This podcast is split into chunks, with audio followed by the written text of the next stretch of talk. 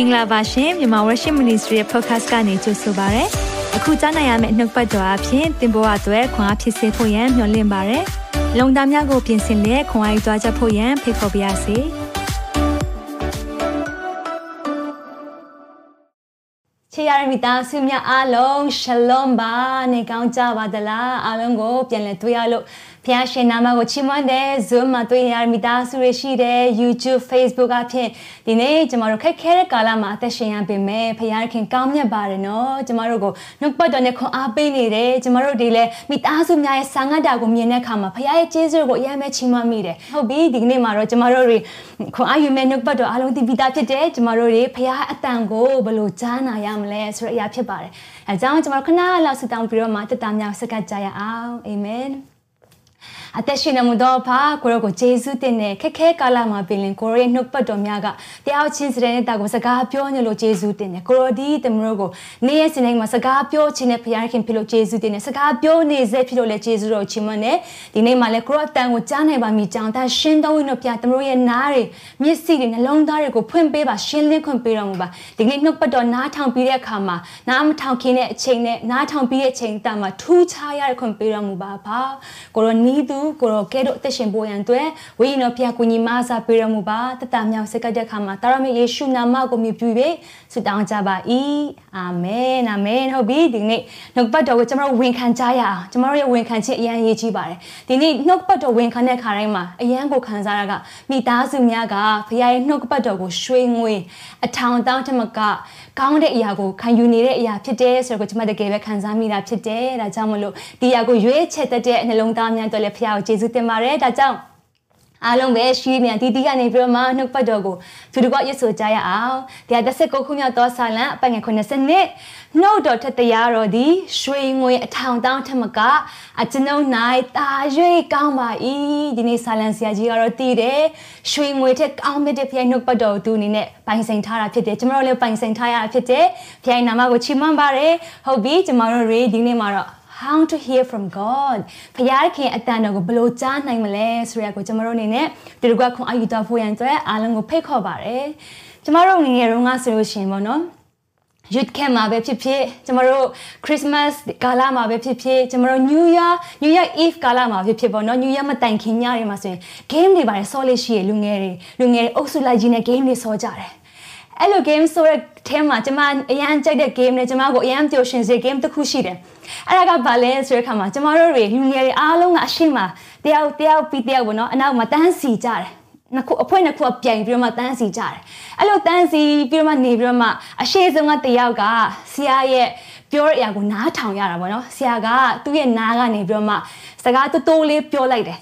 အဲစကားပြောတဲ့အရာကိုပထမလူကဒုတိယလူကိုထပ်ဆင့်ပြီးတော့မှပြောရဲပြောရတဲ့ game လေးပေါ့နော်ဆိုတော့ပထမလူကဆရာစီကတိုက်ရိုက်ကြားတယ်အဲ့ဒါကိုဒုတိယလူကိုထပ်ဆင့်ပြီးပြောတယ်ဒုတိယလူကလည်းတတိယလူကိုထပ်ဆင့်ပြီးတော့ပြောမယ်အဲ့လိုနဲ့ထပ်ဆင့်ထပ်ဆင့်သူတို့ပြောရင်းနဲ့နောက်ဆုံးလူရဲ့ ပြောတဲ့အရာကိုကျမတို့ကပြန်နားထောင်ရတယ်။ကျမတကယ်ရေးရတာကဘာဖြစ်လဲဆိုတော့ခါမှာနောက်ဆုံးလူပြောတဲ့စကားက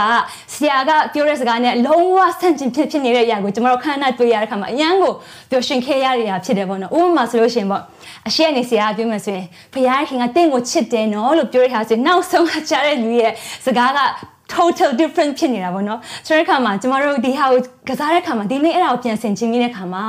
ကျမတို့ရဲ့သက်တာမှာလေဖြစ်တတ်တယ် ဘာလဲဆိုတဲ့အခါမှာကျမတို့က diet တခါလေကြမကြားတတ်တဲ့အခါမှာတယောက်တယောက်ပြီးတယောက်ပုံမှာမှုမိခိုပြီးမှနားထောင်ခြင်းအပြင်ကျမတို့ရဲ့တာမှာကြားတဲ့အရာကလွဲသွားပြီးတော့မှအဲ့အရာရဲ့လွဲနေတဲ့အရာကိုလိုက်တဲ့အခါမှာအဲ့ဒီစကလုံးတွေအပြင်ကိုယ့်ရဲ့တာဆုံးရှုံးသွားတယ်တခါကျတော့ရှင်ကိုကကြားတာလို့ထင်ပေမဲ့ကိုကြားနေတဲ့အရာကမဟုတ်တဲ့ဟာဖြစ်တဲ့အခါမှာ ကိုဘဝမှာတွားတဲ့ခါမှာရှေ့ဆက်ခီးကအဆင်မပြေတော့ဘူးအဲ့ဒီအချိန်မှာစိတ်ဓာတ်တွေကျလာတယ်တန်တရားစိတ်တွေဝင်လာတယ် depression တွေဝင်လာတယ်စိုးရိမ်စိတ်တွေဝင်လာတယ်အဲ့လိုဝင်လာတဲ့ခါမှာကျမတို့ရဲ့ဘဝမှာရှေ့ဆက်သွားနိုင်ဖွယ်တော့ဖျားထားတဲ့အကြံစည်းနဲ့ရည်ရွယ်ချက်ကိုလွဲသွားတတ်တယ်အဲ့ဒီဥပမာလေးကိုကျမတွေ့တဲ့ခါမှာဒီနေ့မှာလည်းကျမတို့ကိုဖျားကစကားပြောဖွင့်တော့အလိုတော်ရှိတာဖြစ်တယ်အာမင်ဒါကြောင့် ကျမတို့ရဲ့ကြားနာခြင်းကအယံကိုအရေးကြီးတယ်။ယုံကြည်သူတယောက်ရဲ့တက်တာမှာကြားခြင်းကအယံကိုအရေးကြီးတယ်။ကျမတို့နှုတ်ပတ်တော်ထဲမှာဆိုလို့ရှိရင်လဲယောမအော်ရာစာအခန်းကြီး30အခန်းငယ်7မှာဆိုရင်ဗာပြောထားလဲဆိုတဲ့အခါမှာယုံကြည်ခြင်းသည်ကြားနာခြင်းအဖြစ်ဖြစ်၏တဲ့ကြားနာခြင်းသည်လည်းဖယားသခင်စကားတော်အဖြစ်ဖြစ်၏တဲ့ဒီနေ့မှာကျမတို့ဘာတွေကြားနေလဲတော့မသိဘူးကျမတို့ရဲ့ပတ်ဝန်းကျင်ခုမြန်မာနိုင်ငံမှာဆိုကျမတို့ဘာတွေကြားနေလဲစိတ်သက်ကြားဆိုင်အများကြီးကျမတို့ကြားနေရတယ်ကျမတို့စိုးရင်ချင်းတွေအများကြီးကြားနေရတယ်အော်မီးမလာတော့ဘူးကျမတို့ဘယ်လိုသွားမလဲကလေးဘယ်လိုကြောင်းတက်မလဲစသဖြင့်စိုးရင်စိတ်တွေကလွမ်းမိုးလာတဲ့အခါမှာအဲ့ဒီအတိုင်းပဲကျမတို့ကလက်တွေ့တက်တာမှာ light shout တက်ရှင်တက်တယ်ဘာလို့လဲကျမတို့ကြားတဲ့အရာများတဲ့အခါမှာယုံသွားတတ်တယ်ဒါကြောင့်ဒီကနေ့မှာနှုတ်ပတ်တော်ကိုများများကြားဖို့သက်တမ်းမှာရေးကြည့်တယ်အာမင်နှုတ်ပတ်တော်များများကြားဖို့ရေးကြည့်တယ်လို့ comment ထဲမှာရေးပေးပါဦးနှုတ်ပတ်တော်ကြားဖို့ရေးကြည့်တယ်ဘာကြောင့်လဲနှုတ်ပတ်တော်ကကျမတို့ကိုဘယ်တော့မှလေစိတ်သက်ကြားမယ့်စကားတွေမပြောဘူးနှုတ်ပတ်တော်ကဘယ်တော့မှကျမတို့ကိုတန်တရားစိတ်တွေမပေးဘူးနှုတ်ပတ်တော်ကဘယ်တော့မှကျမတို့ကိုကြောက်ရွံ့တဲ့စိတ်တွေမပေးဘူးနှုတ်ပတ်တော်ကကျမတို့ကိုတကိုးပါသောစိတ်ချစ်သက်သောစိတ်ရှင်းလင်းတဲ့စိတ်တွေကိုကျမတို့ကိုပေးတယ်ဒါကြောင့်ဒီနေ့မိတ်ဆွေမိသားစုများအားလုံးနှုတ်ပတ်တော်ကိုခံယူဖို့ရန်အတွက်ရွေးချယ်လို့ဘုရားရဲ့ကျေးဇူးကိုထူးပဲချီးမွမ်းပါတယ်အာမင်ဒါကြောင့်ဒီနေ့မှာမိခွန်ပေးခြင်းတယ်ဖခင်ခင်ကကျမတို့ကိုစကားပြောသလားအဲ့ဒီမိခွန်ရှိတယ်ဖခင်ခင်ကကျမတို့ကိုစကားပြောလားနောက်တစ်ခုကဖခင်ခင်ကကျမတို့ကိုဘယ်လိုစကားပြောလဲဘယ်လိုနီးလန်းနေနဲ့ဖခင်ကကျမတို့ကိုစကားပြောတယ်လဲ အိမ်မေခွန်လည်းရှိတယ်။နောက်တစ်ခုကျတော့ဖခင်ရဲ့ကျမတို့ကိုပြောတဲ့စကားတွေကြားပြီးပြီလားဆိုတော့အရာလည်းရှိတယ်။ဆိုတော့ဒီအရာတွေကိုကျမတို့တူတကွာမိသားစုများအားလုံးနဲ့လေ့လာရင်းနဲ့ဖခင်ခင်ရဲ့ဖွင့်ပြခြင်းတွေကိုတူတကွာခံယူကြရအောင်။အာမင်။ဟုတ်ပြီဆိုတဲ့အခါမှာဖခင်ကကျမတို့ကိုစကားပြောသလား။ဒီနေ့နံပါတ်1ဖခင်ခင်ကကျမတို့ကိုစကားပြောနေပါတယ်။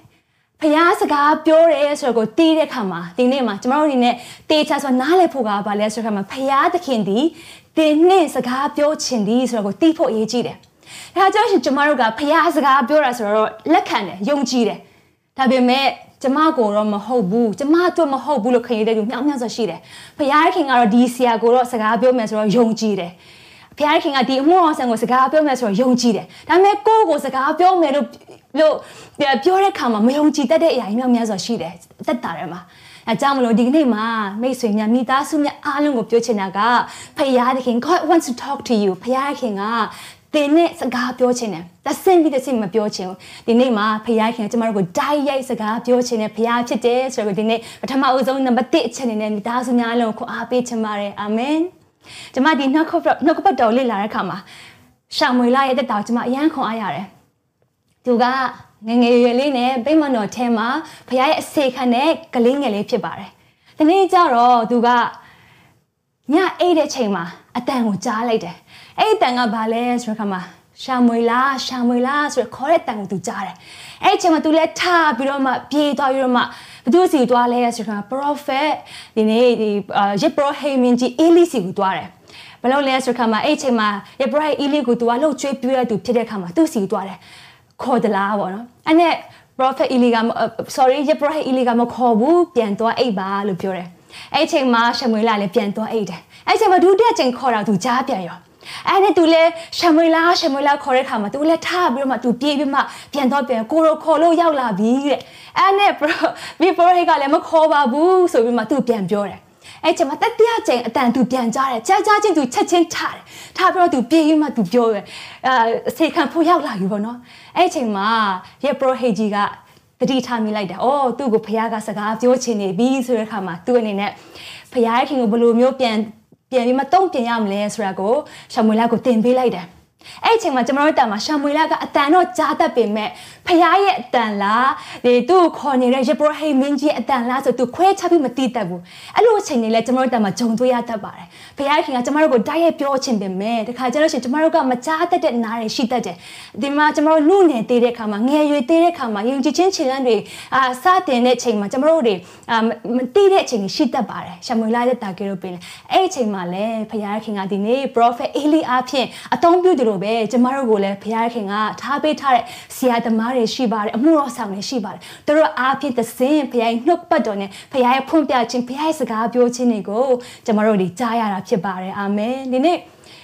ဖခင်ကဘာကြောင့်တင့်ကိုစကားပြောချင်တာလဲဆိုတဲ့အခါမှာဖခင်ကတင်းနဲ့ဆက်ဆံခြင်းနဲ့ဖခင်ဖြစ်တယ် God is a God of relationship ကျမတို့နဲ့မိတ္တဟာရဖွဲ့ခြင်းနဲ့ဖခင်ဖြစ်ပါတယ်ဒါကြောင့်မလို့လေနှုတ်ပတ်တော်ထဲမှာဗာပြောထားလဲဆိုတဲ့အခါမှာ ရရမိအနာဂတိကျမ်းခန်းကြီး33အခန်းငယ်3မှာဆိုလို့ရှိရင်ငါကိုခေါ်လို့ငါထူးမီအာမင် ကြီးသောအရာတေမသိနိုင်အောင်နဲ့နဲသောအရာတို့ကိုငါပြမည်ဒီနေ့မှာဖခင်ကကျမတို့ကိုစကားပြောချင်တာဘာကြောင့်လဲဆိုတဲ့အခါမှာကျမတို့ကိုကြီးတဲ့အရာတွေပြပေးချင်တယ်နဲ့နဲတဲ့အရာတွေကျမတို့နားမလည်နိုင်သေးတဲ့အရာကိုကျမတို့ကိုဖွင့်ပြချင်တယ်ကျမတို့မှာ future ရှိသေးတယ်ဆိုတော့ပြောပြချင်တဲ့ဖခင်ဖြစ်တယ်မိတ်ဆွေအရန်ကောင်းတဲ့ဖခင်ဖြစ်တယ်ကောင်းကင်ရဲ့မြေကြီးကိုဖန်ဆင်းတဲ့ဖခင်ဖြစ်တယ်သူ့မှာအရာအလုံးပြည့်စုံပေမဲ့ကျမတို့နဲ့မေတ္တာဟာပွဲချင်တဲ့ဖခင်ဖြစ်တယ်ကျမတို့ကိုအရန်ချစ်တဲ့ဖခင်ဖြစ်တာကိုဒီနှုတ်ပတ်တော်ဖြင့်ကျမတို့တွေ့ရတယ်။နောက်တစ်ခုဆာလန်ဆရာကြီးကဗာပြောလဲဆိုတဲ့အခါမှာငါခုမြတ်သောဆာလန်အပိုက်ငယ်တုံးမှာဆိုရင်အိုးထာဝရဖရာနနဲ့အခါအကျွန်ုပ်စကားတန်ကိုကြားတော်မူရပါ၏။နနဲ့အခါကိုရောကိုမျက်မှောက်ပြည့်၍မျော်လင့်ပါမည်။ဒီနေ့ဆာလန်ဆရာကြီးကတော့တည်နေပြီဖရာကသူနဲ့စကားပြောချင်အောင်သူတည်တဲ့အခါမှာ အချင်းတို့စကားတောင်ကိုတော့ကြားတော်မူပါဆိုမှဖခင်ကိုသူကတခါတည်းပြောလိုက်တယ်အဲ့ချိန်မှာသူကလည်းတစ်ချိန်တည်းမှာကိုရောကိုမျက်မှောက်ပြည့်မျောလင့်ပါမယ်ဆိုတဲ့ခါမှာဖခင်ကသူ့ကိုပြန်ပြောမယ့်အရာကိုလည်းသူမျောလင့်ပါတယ်ဆိုတဲ့အရာကိုဒီနေ့နှုတ်ပေါ်တဲ့ထဲမှာတွေ့ရတာဖြစ်ပါတယ်ဒါကြောင့်ဒီနေ့မိသားစုများအလုံးခွန်အားပေးခြင်းနဲ့ဖခင်အတန်ကြားတတ်ဖို့ရန်တော့ကတော့အရေးကြီးဆုံးနံပါတ်1ကဖခင်ကတင်းနဲ့ကျွန်တော်ကိုစကားပြောခြင်းနဲ့ဖခင်ဖြစ်ပါတယ်အာမင်ကျွန်တော်တို့နေ့တူကမိတ္တဟာရဖွဲ့ခြင်းနဲ့ဖခင်ဖြစ်တယ်ဆိုတော့ကျွန်တော်တို့လုံးသားမှာယုံကြည်ကြည့်ဖို့အရေးကြီးတယ်သူ့ကိုတော့ပြောချင်မှာပေါ့သူကဘုရားအသုံးပြုတဲ့သူကိုဘုရားစေခံတဲ့သူကိုလို့တင်ထင်ကောင်းချင်မှာဒါပေမဲ့တင့်ကိုလည်းဘုရားကအယမ်းချစ်တာဖြစ်ပါတယ်အာမင်တင်းမပြည့်စုံခြင်းနဲ့တည်ပင်မဲ့တင်းနဲ့သူကမိတ္တဟာရဲ့ဖွဲ့ပေးခြင်းနဲ့ဘုရားခင်ဖြစ်တယ်ဒီနေ့မိတ်ဆွေစဉ်းစားမိရလားကျမအဆုတောင်းတဲ့ခါတွေမှာဘုရားကိုအယမ်းကျေးဇူးတင်တာပါလဲဆိုတဲ့ခါမှာကျမတို့လေကျမတို့ဆုတောင်းခြင်းတဲ့ချိန်တိုင်းမှာသူ့ကိုတိုးဝင်တဲ့ခါမှာသူကအမြဲတမ်းအစဉ်သိရှိပေးနေတဲ့ဘုရားဖြစ်တယ် ဥပမာကျမတို့ကမညက်ပိုင်းအလုပ်သွားရဆိုလို့ရှိရင်ညနေမှအားရဆိုရင်ညနေမှကိုရောကိုဆူတောင်းလိုက်တယ်အဲ့ဒီအချိန်မှပြင်ရင်ဖခင်ကကျမတို့နဲ့မိတ္တဟာရဖွဲ့ဖို့အစဉ်သိရှိတဲ့ဖခင်ဖြစ်တယ်အဲ့လိုဖခင်မျိုးကျမတို့ဘယ်တော့မှရှာတွေ့မှာမဟုတ်ဘူးမိတ်ဆွေဒီနေ့ဖခင်ရဲ့အရန်ကောင်းမြတ်ပါတယ်အာမင်အကြောင်းမလို့နံပါတ်1ကျမတို့တွားရအောင်နံပါတ်2က God wants to do life with you ဖခင်တခင်ကတင်းနဲ့သူရှောက်လန်းခြင်းတယ်အာမင်တင်းနဲ့သူရှောက်လန်းခြင်းတဲ့ဖခင်ခင်ဖြစ်တယ်ကျမ နှုတ်ပေါ်တော်ထဲမှာဖတ်တဲ့အခါမှာဆိုလို့ရှိရင်ဘုရားခင်နဲ့ရှောက်လန်းတဲ့သူတွေမြောက်များစွာရဲ့အသက်တာကိုကျွန်တော်တို့တွေ့ရတယ်။ဒါတကားရဲ့ကျွန်တော်တို့အများကြီးတွေ့ရတယ်။အဲ့ဒီထဲမှာကျွန်မရန်နှစ်သက်တဲ့သူရဲ့အသက်တာကဘယ်လိုလဲဆိုတော့အီနောက်ဖြစ်တယ်။အီနောက်ရဲ့တာကကဘာဦးကျန်းထဲမှာကျွန်တော်တို့တွေ့ရတယ်။ကဘာဦးကျန်းခန်းကြီး9ထဲမှာဆိုလို့ရှိရင်ငွေ23ကနေ24မှာကျွန်တော်တို့ဖတ်တဲ့အခါမှာအီနောက်အသက်နှစ်ပေါင်း365နှစ်တည်းတဲ့အီနောက်ဒီဖျားခင်နဲ့အတူတွာလာ၏နောက်တဖန်သူဒီမရှိအကြောင်းမူကဖျားခင် တိမ့်ယူတော်မူသောကြောင့်ဒီတဲ့ဒီဟာကိုကြည့်တဲ့အခါမှာကျွန်တော်အရန်ခွန်အားရတယ်ကျွန်တော်တို့ခုမျောလင့်နေတဲ့ rapture rapture ဆိုတာဒီနေ့ကဘာဝကျန်တဲ့မှာဖြစ်ပွားသွားတဲ့အရာဖြစ်တယ်ဒီနေ့အင်းနောက်ရဲ့တာဖခင်နဲ့သူတွားလာတယ်ဘာကြောင့်လဲ तू ဖះက तू နဲ့ तू သွားချင်တယ်တီးတဲ့ခါမှာဖះကို तू तू နဲ့ तू သွားဖို့ရွေးချယ်လိုက်တဲ့အခါမှာဖះက तू ကိုတင်စီသွားတယ်တဲ့။ तू ရဲ့မျက်မှောက်ထဲမှာခေါ်သွားတယ်တနည်းအားဖြင့်ဒီနေ့ဖះကကျမတို့နဲ့ तू ကရှောက်လန်းပေးချင်တဲ့ဖះခင်ဖြစ်ပါတယ်။ ဒါပေမဲ့ဒီနေ့ကျမနှုတ်ပတော်ထဲမှာဖတ်တဲ့အခါမှာလည်းဒေနာကျမ်းကိုကျမတို့ခုတလောမှာဖတ်နေတယ်ဒေနာကျမ်းကိုဖတ်တဲ့အခါမှာကျမတို့နေ အမိသားစုတွေတော်များများတိမှဖြစ်တယ်အနတ္တအနတ္တလေးကိုကျက်စားတဲ့အရာစသဖြင့်ကျွန်တော်ခန္ဓာဈာတက်တယ်ပေါ့နော်ဒီနောက်ပတ်တော့ကျွန်မဆင်ကျင်တဲ့အခါမှာဒေနာကျန်အခန်းကြီး1အခန်းငယ်9မှာဆိုရင်ဖြစ်ပူးသောအရာဒီဖြစ်လက်တန်သောအရာနှင့်တူ၏ယခုပြုသောအမှုသည်ပြုလက်တန်သောအမှုနှင့်တူ၏နေအောက်မှာအသစ်သောအမှုအရာမရှိဆိုမှဒေနာဆရာကြီးကပြောထားတယ်သူကဘာပြောလဲဆိုရင် तू ကအရန်ပညာရှိတဲ့ခါမှာ तू ကလောကရဲ့အခြေအနေကို तू ကြီးတဲ့ခါမှာ ဖြစ်တဲ့ဖြစ်ဘူးတဲ့အရာအားလုံးကအချင်းကြီးပဲနေအောင်မှာအစ်တော့အရာမရှိဘူးဆိုမှသူပြောလိုက်တယ်။နောက်တစ်ခုကဒေနာကျန်ခန်းကြီးနှစ်မှာဆိုလို့ရှိရင်ငယ်၁၁မှာထိုခါငါစီရင်ပြုတ်ပြင်သမျှငါစ조사အားထုတ်သမျှတို့ကိုငါကြည့်ရှု၍အလုံးစုံတို့ဒီအနတ္တအမှုလေကိုကျက်စားသောအမှုဖြစ်ကြ၏နေအောင်မှာကောင်းသောအကျိုးတစ်စုံတစ်ခုမျှမရှိဆိုမှသူအမှတ်တမ်းတင်ပြရောအဲ့တော့ကျွန်မကြည့်တဲ့အခါမှာဆင်ခြင်မိတဲ့အခါမှာ အိုးကိုရိုနဲ့ကိုရိုကကျွန်တော်နဲ့တူတွားလာခြင်းနဲ့ဆိုရင်ဘာလို့ဒီဟာကပေါ်လာတာလဲပေါ့နော်အနတ္တဖြစ်တာလဲဘုရားကကျွန်တော်နဲ့ရှောက်လန်းခြင်းနဲ့ဆိုဘာလို့အနတ္တဖြစ်တာလဲခါမှာကျွန်မဆင်ခြင်တဲ့ခါမှာဘုရားကကျွန်တော်တို့ဘယ်လိုစကားပြောဘယ်လိုခွန်အားပြန်ပေးလဲဆိုတဲ့ခါမှာဒေနာဆရာရဲ့တာမှာသူမေ့သွားတာတခုက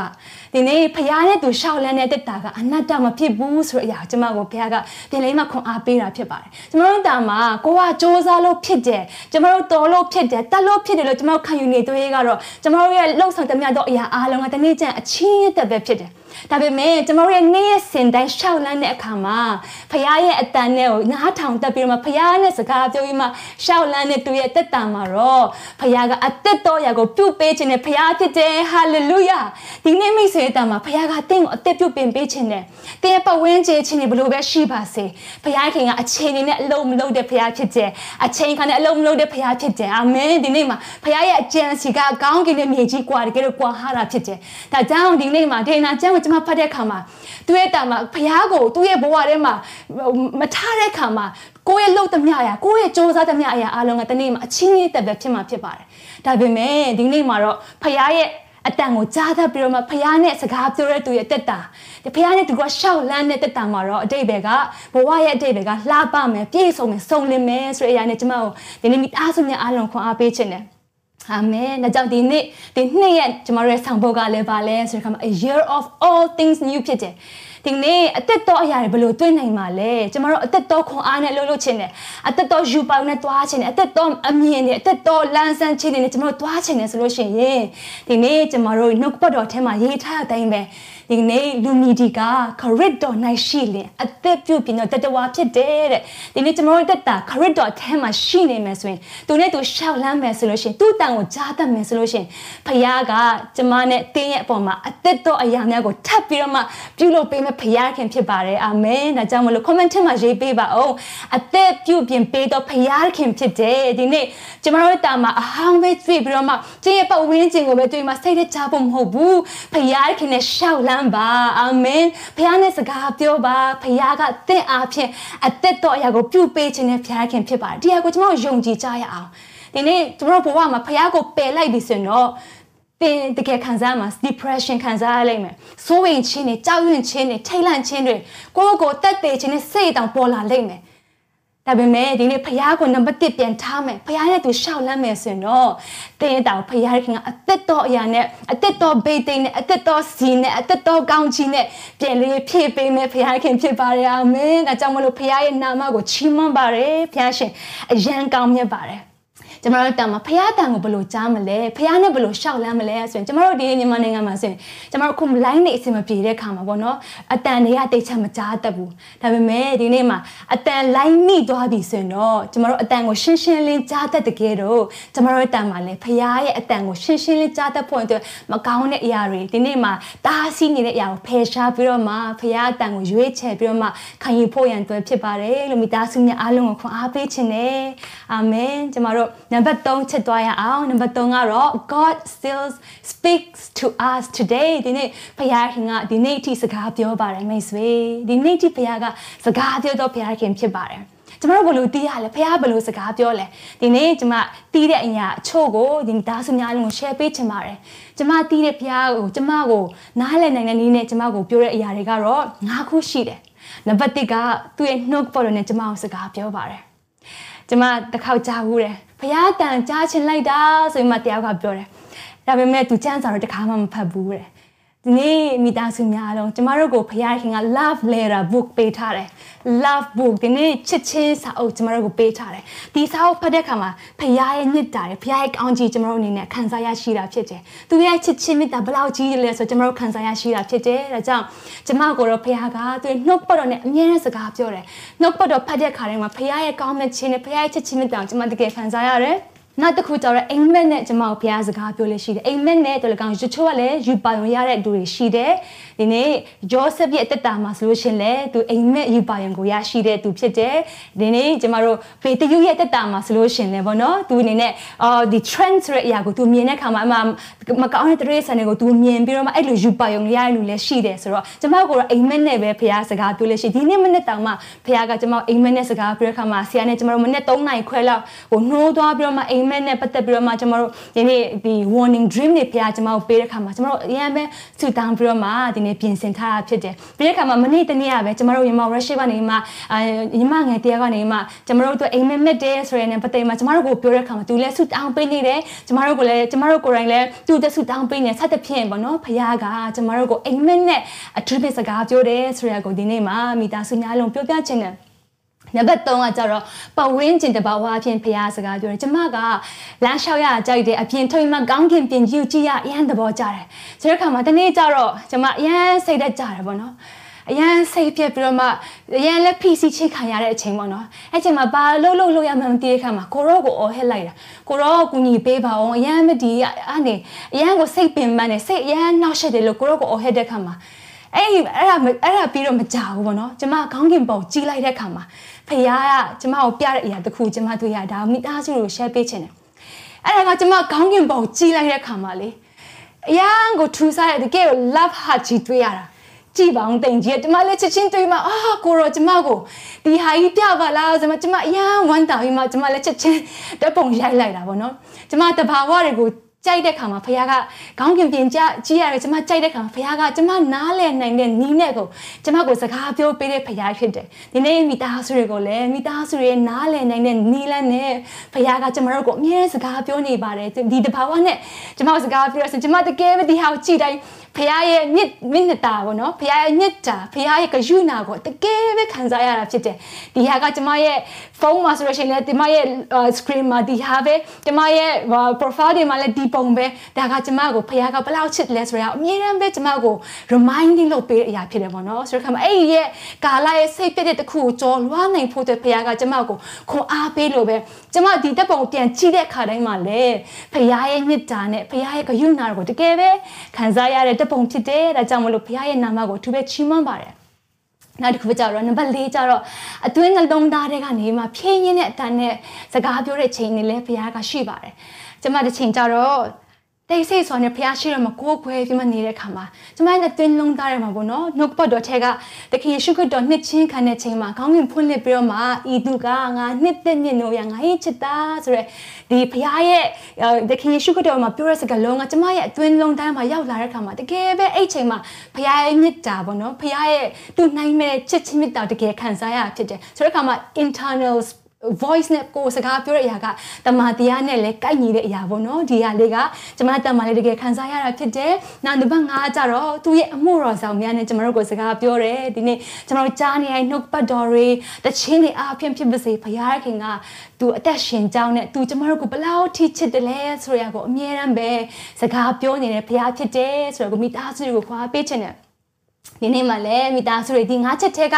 ဟိုကိုနဲ့သက်ဆိုင်တဲ့အရာလေးရှိလို့ရှိရင်လည်း comment ထဲမှာရေးပေးပါအောင်เนาะကျမတို့ဒီခွန်အားယူချင်ပါတယ်ဒီအရာထက်မကလည်းအများကြီးလည်းရှိနိုင်ပါတယ်ဒီနေ့ကျမတီတလာကတော့ဒီအရာဖြစ်တဲ့ကိုနားလည်နိုင်တဲ့နီလန်းနဲ့ဘုရားကအမြဲတမ်းစကားပြောလေးရှိတယ်ဆိုတော့မိသားစုတွေအားလုံးကိုပြောပြချင်တယ်ဒါဆိုလို့ရှိရင်ကျမတို့တွေဘုရားအတန်ကိုကြားနိုင်ဖို့ရန်အတွက်ဘယ်လိုလုပ်ရမလဲဆိုတော့ tip လေးလည်းမိသားစုကိုပြောပြ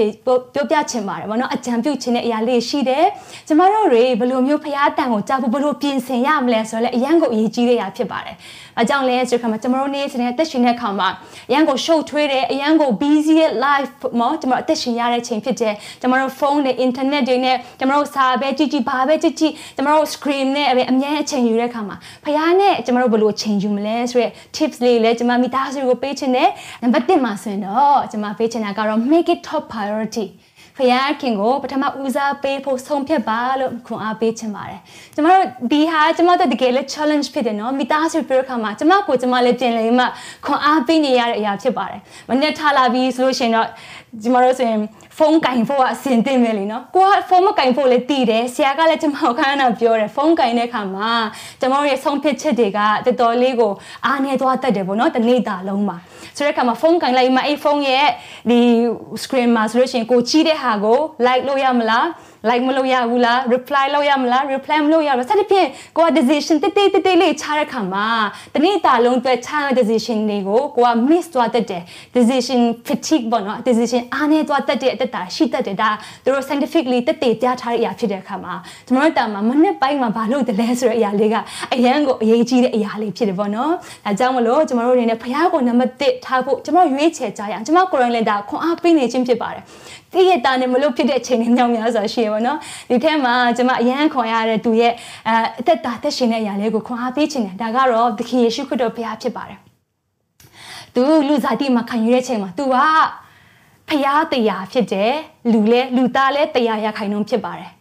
ဒါပေမဲ့ဖះတရားရခိုင်နှုန်းနဲ့သူရှိတယ်လူလဲတရားရခိုင်နှုန်းဖြစ်တယ်ဒါပေမဲ့သူတစ်တာမှာဖះဖြစ်တာနဲ့လူစားတိခံရတဲ့ချိန်မှာသူကအမြဲတမ်းပဲအဖခမီရိုနဲ့အမြဲတမ်းပဲဆက်သွယ်ပြီးစကားပြောရတာကိုကျွန်တော်နှုတ်ပေါ်တဲ့ထဲမှာတွေ့ရတယ်ရှင်မာကုခရင်ဂျန်135မှာဆိုရင်လည်းနည်းနည်းချိန်မုံမလင်းမီကိုရောဒီထပြီးလင်တောရစ်တို့ထွက်ကြွပြီးဆူတောင်းတော်မူ၏တဲ့ ဒီနေ့ဖျားနဲ့စကားပြောဖို့ခရစ်တော်ကတကယ်ကို priority ထားတာဖြစ်တယ်။နောက်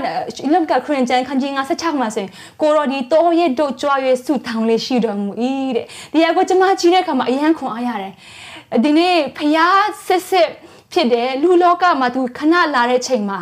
तू အနေနဲ့အဖကင်မရာနဲ့ဆက်သွယ်ဖွင့်သူ तू အလောက်ထိ priority ထားတယ်ဆိုလို့ရှိရင် Jesus တောင်အလောက်ထိတောင်မှ तू အသက်တာထဲမှာရှောက်လန်းတယ်ဆိုရင်ကျမတို့ရောဘလောက်ထိတောင်မှဘုရားရဲ့ကူညီခြင်းဘုရားနဲ့စကားပြောခြင်းဘုရားအတန်ကြားဖို့ဘလောက်ထိလိုတယ်လဲဆိုတဲ့အရာကိုကျမအနေနဲ့တကယ်ပဲခံယူမိတာဖြစ်တယ်ဒါကြောင့်မလို့ကျမတို့ဆုံးဖြတ်ချက်ကြားကြရအောင်ကျမတို့2022ခုနှစ် March လပဲရှိပါသေးတယ်ကျမတို့ခါကြလို့ရှိရင်စဉ်းစားတတ်တဲ့ January လကလေးကမစတဲ့ခါမှာ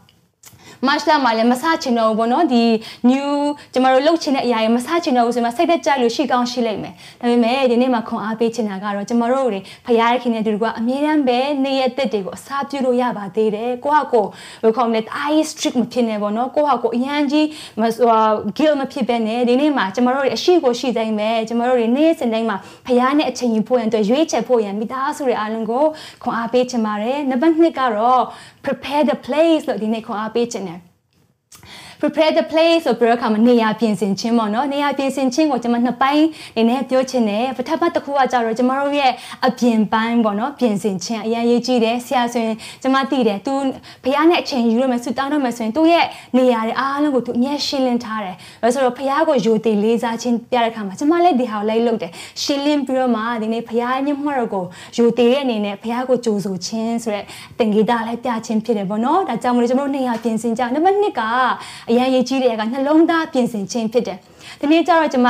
အာအမျိုးသမီးတယောက်ပြောတဲ့ဟာကျွန်မအနေနဲ့ကြားမိတယ်ပေါ့နော်ခွန်အားလည်းအရန်ဖြစ်တယ်အဲ့ဒါကသူဘာပြောလဲဆိုတဲ့အခါမှာသူ့အနေနဲ့ပေါ့နော်ဖះနဲ့အချိန်ယူတဲ့အခါမှာတဲ့ဖះတန်ကိုသူကြိုက်မှကိုရောကိုရောလှုပ်စေလို့တဲ့အရာကိုကျွန်မလှုပ်ပါမယ်ဆိုမှသူ့အနေနဲ့ဖះကိုသူပြောတဲ့အခါမှာတဲ့ဖះကသူ့ပြန်ပြောတဲ့စကားကိုသူကြားတယ်သူ့ကိုပထမခိုင်းတဲ့အလုပ်ကိုမပြီးသေးတဲ့ကြောင့်မလို့ဒုတိယအလုပ်ကိုပေးလို့မရဘူးတဲ့ဖះကသူ့အလုပ်ပြောတယ်တဲ့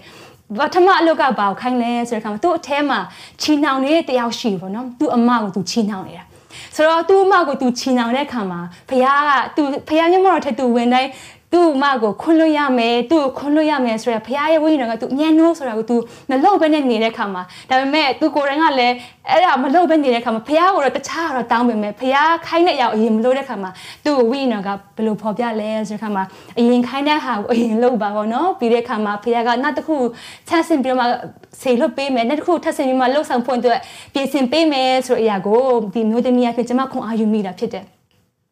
ဒါကြောင့်ကျွန်တော်တို့တာမှာလဲပေါ့နော်ဖခင်ရဲ့အသက်တာဖခင်ကျွန်တော်တို့တာထဲမှာ ပြင်ဆင်တဲ့အရာတွေကဘာတွေလဲဖခင်ခင်ကျမတို့ခိုင်းတဲ့အရာကဘာတွေလဲဒီအရာတွေကိုကျမတို့နှလုံးသားထဲမှာရှင်းလင်းစွာဖြင့်လှုပ်ဆောင်ပြီးမှဘသူ့ကိုခွန်းလို့ရမလဲဘသူ့ကိုမေတ္တာပြရမလဲစသဖြင့်ဖခင်ရဲ့ဝိညာဉ်ကကျမတို့ကိုနှိုးဆိုတဲ့အရာကိုကျမတို့လှုပ်ဆောင်ပြီးတဲ့ခါမှသာလင်ဖခင်ကကျမတို့ကိုနာသစင်ဖွင့်ပြပေးမယ်ဆိုတဲ့အရာကိုကျမတကယ်ပဲဒီမျိုးသမီးရဲ့တက်တေခံချက်ဖြင့်တကယ်ကျမခွန်အားရရှိတာဖြစ်တယ်ဒါကြောင့်မလို့ဒီနေ့ကျမတို့တွေဘာတွေကိုဖယ်ထားဖို့လိုတယ်ကျမတို့ ဒီ clutter ပေါ့နော်ဒီအဲစိတ်ရှုပ်စရာတွေအမိုက်တွေပေါ့နော်အမိုက်တွေကိုဘယ်လိုရှင်းလင်းရမလဲဆိုတော့အရာဒီနေ့ဖခင်ခင်ကကျမတို့ကိုမဆတ်ဖို့ဒီနေ့ဆုတောင်းကြရအောင်နှလုံးသားနေရာကိုပြင်ဆင်ကြရအောင်ကျမတို့ရဲ့ပဝင်းကျင်နေရာကိုလည်းကျမတို့ပြင်ဆင်မှဖခင်မြတ်မတော်ကိုကျမတို့အနေနဲ့ခေါ်ဆောင်ဖို့ရန်ဖြစ်တယ်ဆိုတော့ခွန်အားပေးခြင်းနဲ့ နောက်ကပတ်တော်ထဲမှာဗာပြောလဲဆိုကမှာရှင်မသက်ခရင်ကျန်ခန်းကြီး6ခန်းငယ်6မှာတင်ဒီဆုတောင်းတော့အခါစိတ်ငြိမ်ရာအခန်းတို့ဝင်၍တကားကိုပိတ်ပြီးမှမထင်ရှားသောအရဲ့၌ရှိတော်မူသောတင်ဤအဘကိုဆုတောင်းလော့ မထင်ရှားသောအရာကိုမြင်တော်မူသောတင်းအဘဒီအကျိုးကိုထင်ရှားစွာပေးတော်မူလက်တန်းဆိုမှနှုတ်ပေါ်တဲ့ထဲမှာရေးထားတာဖြစ်ပါတယ်။တကားပိတ်ခြင်းဆိုတဲ့ခါခုနမလိုအပ်တဲ့အရာတွေကိုပိတ်ခြင်းမကြားသိတဲ့အရာတွေကိုပိတ်ခြင်းဒီနေ့မှာဖခင်အလိုတော်မရှိတဲ့အရာတွေကိုပိတ်ခြင်းကိုဆိုလိုတာဖြစ်တယ်။ဒါကြောင့်မလို့လေကျမတို့တွေမိသားစုတွေအားလုံးပေါ့နော်ကျမတို့ April လထဲမှာလဲကျမတို့တကားပိတ်ယူစစ်တောင်းမဲ့ချိန်ကျမတို့ပြင်ဆင်ကြရအောင်ကျမတို့ဒီ Holy Week မှာမိသားစုများအားလုံးနဲ့တူတူကကျမတို့တွေအစာရှောင်ဆုတောင်းမဲ့ချိန်ကိုကျမတို့ယူကြစားရအောင်ခုနှစ်ရက်တာကျမတို့ရေမိသားစုများနဲ့ဖခင်ညီမတို့တမတိုးဝင်ချင်းကရအောင်ကိုယ့်အတွက်တော်လကောက်ကိုယ်တိုင်းပြည်ကိုမိသားစုအတွက်ကျမတို့အနေနဲ့ဆုတောင်းမဲ့ခြင်းကိုကျမတို့ပြင်ဆင်ကြရအောင်လို့ဒီနေ့တခါတည်းပေါ့နော်မိသားစုများအားလုံးကိုပြင်ဒီနေ့မှာဖိတ်ခေါ်ခြင်းနဲ့ April လကျမတို့ Holy Week ထဲမှာပြုလုပ်မှာဖြစ်တယ်ဒီရမှာလဲကျမတို့မိသားစုများလုံးပါဝင်ဖို့အတွက်ဖိတ်ခေါ်ခြင်းပါတယ်ဒါကြောင့်မလို့အပ်တဲ့အရာတွေကိုဖယ်ရှားပြီးမှဖခင်အတန်ကိုရှင်းလင်းစွာကြားနိုင်ဖို့ရန်အတွက်ဖခင်ကဆက်လက်ခွန်အားပေးမှဖြစ်တယ်နံပါတ်3က make it a habit ကောင်းသောအလေးချင်းကိုပြုစုပါဆိုတဲ့အရာကိုခွန်အားပေးချင်ပါတယ်ကျမတို့ကဖခင်စကားပြောတာကိုသိတယ်ဖခင်အတန်လည်းကြားချင်ပေမဲ့ကျမတို့ကအဲ့ဒါကိုပြုစုတတ်ဖို့လည်းအရေးကြီးတာဖြစ်တယ်ပေါ့နော်ကောင်းသောအလေးချင်းကိုပြုစုဖို့အရေးကြီးတယ်ဆရာပြောဖို့ကကျမကြားဖို့တယ် ပြောလဲဆိုမှာကောင်းတဲ့အကျင့်တစ်ခုကိုတည်ဆောက်တော့မှဆိုရင်အနည်းဆုံးတော့23ရက်ကြာတတ်တယ်ဆိုမှဆရာကျမကိုပြောတဲ့အခါမှာကျမအဲ့ဒါကိုအမြဲမှတ်ထားတာဖြစ်တယ်ဆိုတော့ကျမတို့အနေနဲ့စံစာဖတ်မယ်ဆိုပါစို့ကျမတို့21ရက်ဆက်တိုက်တာကျမတို့ဖတ်နိုင်မယ်ဆိုလို့ရှင်တော့ကျမတို့ရဲ့တက်တာမှာပေါ့နော်ဒီဟာစံစာမဖတ်ပဲမနေနိုင်တဲ့အလေးအကျင့်ကောင်းတစ်ခုကျမတို့ရရှိမှာဖြစ်တယ်အဲကြောင့်မလို့ကျမတို့ဖျားတန်အောင်မကြောက်ဆိုမှကျမတို့ကဒီတိုင်းပဲတရက်ထဲနဲ့ဟိုဖျားမစကားမပြောဆိုမှလက်လျှော့သွားဖို့မဟုတ်ဘူးနော် all relationship uh, takes time ကျမတို့တရားကြောက်ဆက်ဆံရေးလူလူချင်းဆက်ဆံရေးတောင်မှချက်ချင်းတွေ့ရတဲ့အထက် ကကိုယ့်ရဲ့ဒီအတွင်းထက်ကဟိုအကြောင်းအရာတွေကိုမပြောပြဘူးလေနော်ဆိုတဲ့ခါမှာကျွန်တော်တို့ဖခင်ညီမတို့ထဲမှာတွားတဲ့ခါမှာဖခင်နဲ့တာရွေရင်းနှီးလေးလေးဖခင်ရဲ့နှလုံးသားကိုတိုင်းနားလည်လာမယ်ဖခင်ရဲ့အချင်းအကြံတွေဖခင်လှုပ်စေခြင်းတဲ့အရာကိုတိုင်းတိလာဖို့ရင်ဖြစ်တယ်ဒါကြောင့်မလို့ဒါဆိုများလုံးခွန်အားပေးချင်တာကဒီဖခင်နဲ့အချိန်ယူခြင်းကောင်းတဲ့အရာလေးကိုကျွန်တော်ဒီအလေးထားလေးကိုကျွန်တော်တို့အနေနဲ့ပြုစုဖို့အတွက်အရေးကြီးတယ်ကျွန်တော်တို့အချိန်တော့ပေးရလိမ့်မယ်ဒါပေမဲ့ဖခင်ရဲ့ခင်ကနှလုံးသားအကျွမ်းမဲ့နဲ့ရှာတော့သူကိုအထွေခံတဲ့ဖခင်ရဲ့ခင်ဖြစ်ပါတယ်ဒါကြောင့်ဒီနေ့မိသားစုများအားလုံးကိုဒီအချက်များနဲ့ခွန်အားပေးချင်ပါတယ်နံပါတ်1ဖခင်ကတင်းတဲ့စကားပြောချင်တဲ့ဖခင်ဖြစ်တယ်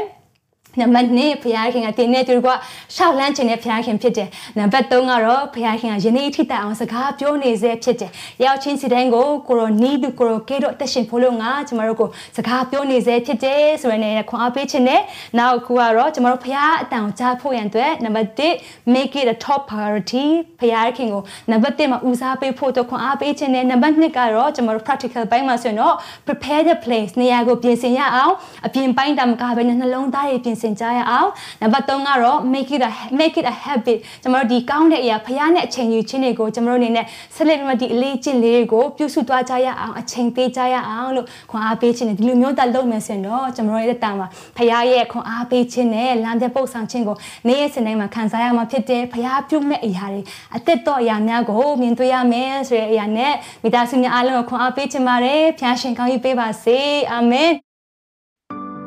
တင်ခုလိုနာဆင်ခွန်အားနိုင်ခြင်းဟာမြန်မာ Worship Ministry ကိုလာဆင်ပန်ပိုးနေကြတဲ့ Kingdom Partners များကြောင့်ဖြစ်ပါတယ်။ဖျားခင်နိုင်ငံတော်ကျယ်ပြန့်ရေးအတွက်လာဆင်ပေးကမ်းပောင်းဖို့ရန်ဖိတ်ခေါ်လိုပါတယ်ရှင်